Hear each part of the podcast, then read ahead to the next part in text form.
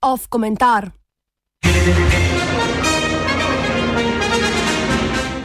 Nasilju čast in slava.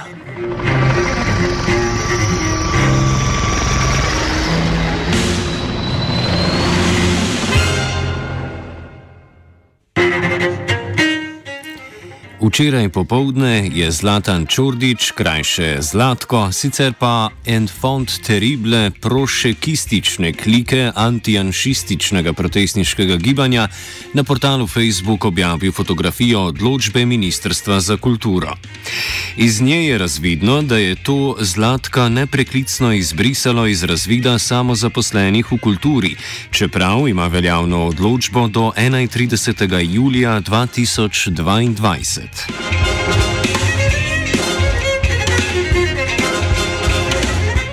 V pojasnilu piše, da so se pristojni za ta korak odločili, ker naj Zlatko ne bi izpolnjeval pogojev za omenjeni status, saj da je v zadnjem letu s svojimi javnimi aktivnostmi in delovanjem bistveni del svojega ustvarjalnega časa namenjal dejavnostim, ki niso povezane z izkazovanjem usposobljenosti za upravljanje kulturne dejavnosti, zaradi katere je bil upisan v razvid samozaposlenih v kulturi.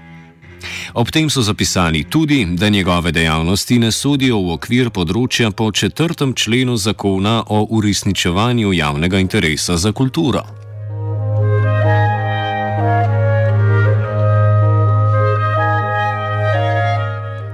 Če si podrobneje ogledamo določbe tega člena, lahko poleg opredelitve kulturnih dejavnosti v prvem odstavku med drugim preberemo, da dvom ali je posamezna dejavnost kulturna dejavnost po tem zakonu odloči minister pristojen za kulturo.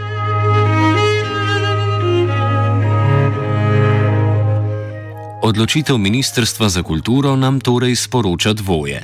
Če gledamo na zadevo legalistično, lahko najprej sklepamo, da zakonodaja sama dopušča presojo smiselnosti določene dejavnosti kot javno interesne ministru osebno. Nadalje lahko sklepamo, da je po zakonodaji to ministrstvo pristojno za presojanje celotne sfere kulturnih dejavnosti.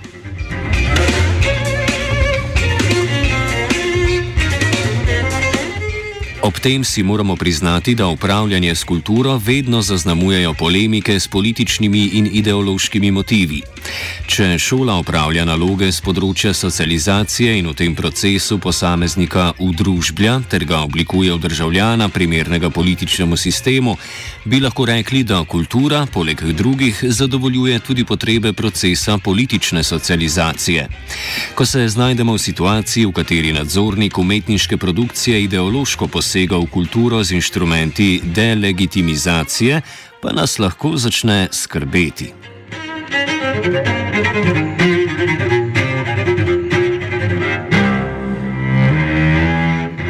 Kratki 30-letni zgodovini smo imeli doslej dva tipa kulturnih oblastnikov.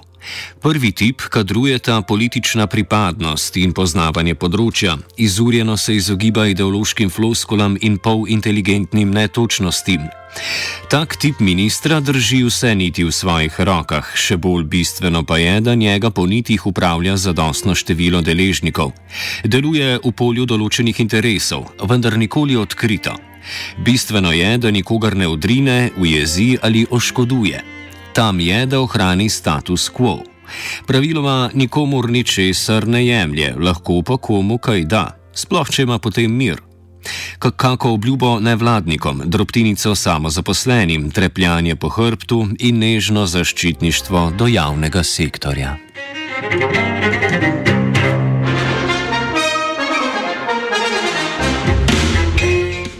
Tak minister je v varni spregi s kulturnim poljem, omogoča simbiotično in mirno sobivanje, v katerem kulturniki ne kritizirajo dela ministerstva, minister in uradniki pa ne vznemirjajo preveč kulturnikov. Tak minister vodi politiko ambicioznih papirjev, osnutkov, predlogov, analiz in idej, ki jih čaka večnost v ministrovem predalu. Pomembna kulturno-politična vprašanja odpira, vendar se do njih ne opredeljuje, saj bi se komu zameril ali izgubil zavezništva. Da se takemu ministru mandat zaključi prezgodaj, je dobro, saj služi kot izgovor, zakaj je ostal le pri dobrih namenih.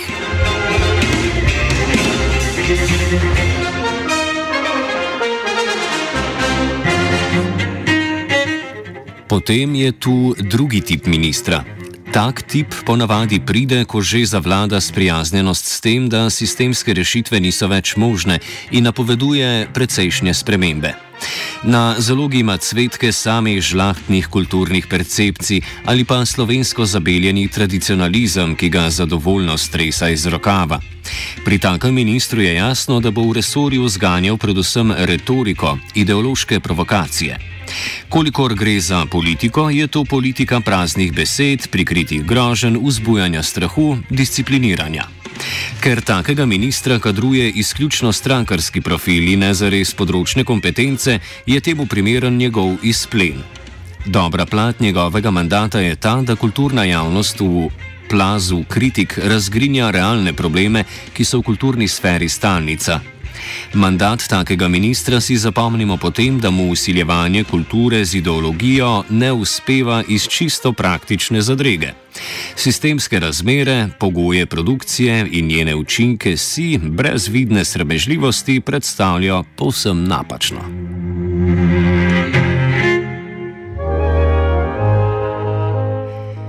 Kakšen tip ministra je torej Vasko Simoniti? Na to vprašanje lahko s citatom iz njegove knjige Fanfare nasilja najbolje odgovori njegov nekdani učenec, zgodovinar Sašo Jerše. In v tem vnaprej slovesnem razpoloženju se zdi primerno ozreti se v preteklost in prisluhniti zgodovini. Ko govorimo o državi, govorimo o oblasti. Ko govorimo o oblasti, govorimo o nasilju. In ko govorimo o nasilju, oblasti, državi, se v našem razpravljanju običajno skriva veliko hipokrizije, saj se izogibamo soočati s poznanjem oziroma potrditi spoznanje, da brez nasilja ni zgodovine. Vse pomembno v zvezi z nastanjem države, z valovanjem njenega življenja, je nastalo skozi zmago in poraz, napad in obrambo, sovražnosti in vojne. Pri tem je vedno obstajalo pravo močnejšega in pravo šipkejšega. Posedovati pravo, z njim imeti tudi pravice, privilegije, pa je bil in je izraz moči. Pravo, ki ureja odnose v določeni skupnosti, nosi vedno pečat časovne simbolike. In ključno vprašanje je, kdo pravo vzpostavlja in za koga je vzpostavljeno. Tako Vasko Simoniti, slovenski zgodovinar, v svoji knjigi zgodovinskih esejev z naslovom Fanfare nasilja. Toliko. Besedo vračam v studio. Obstaja pa tudi tretji tip ministra, seveda povsem hipotetičen model, saj ga doslej še nismo zares imeli. Od prvih dveh se razlikuje potem, da nima politične kilometrine. Zdi se tudi, da ga bolj kot strankarski tolmači kulture kadrujejo reference. Podobno kot prvi, tudi on med kulturniki zbuja primordialne reflekse, še preden bi uspel kaj tehtnega povedati. Nelagodje zbuja z odprto politiko, ki temeli na viziji in je podprta z argumenti. Sprejema odločitve, za katerimi stoji strokovnostjo in ugledom. Ni karjerni politik in njegova pisarna ne lobistični urad rad posluša drugačna mnenja in polemizira o kritikah interesnih skupin. Je zaveznik.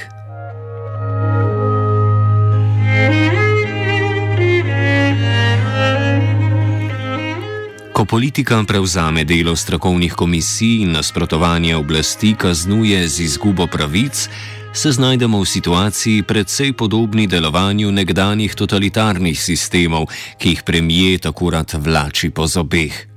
Če je bil večstrankarski politični sistem na začetku naše samostojne zgodovine sredstvo, ki naj bi družbo varovalo pred monopolizacijo politične moči, se zdi, da se dosledno izvajanje ideoloških postulatov v teh kriznih časih vse bolj približuje enopartijskemu sistemu.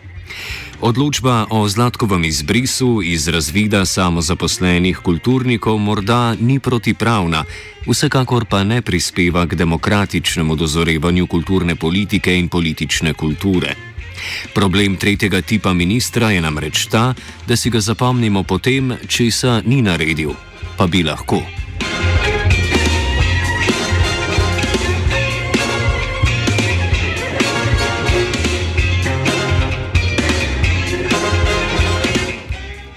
Srečno vladaj, je rekel Dugi, minister Vasko pa nič.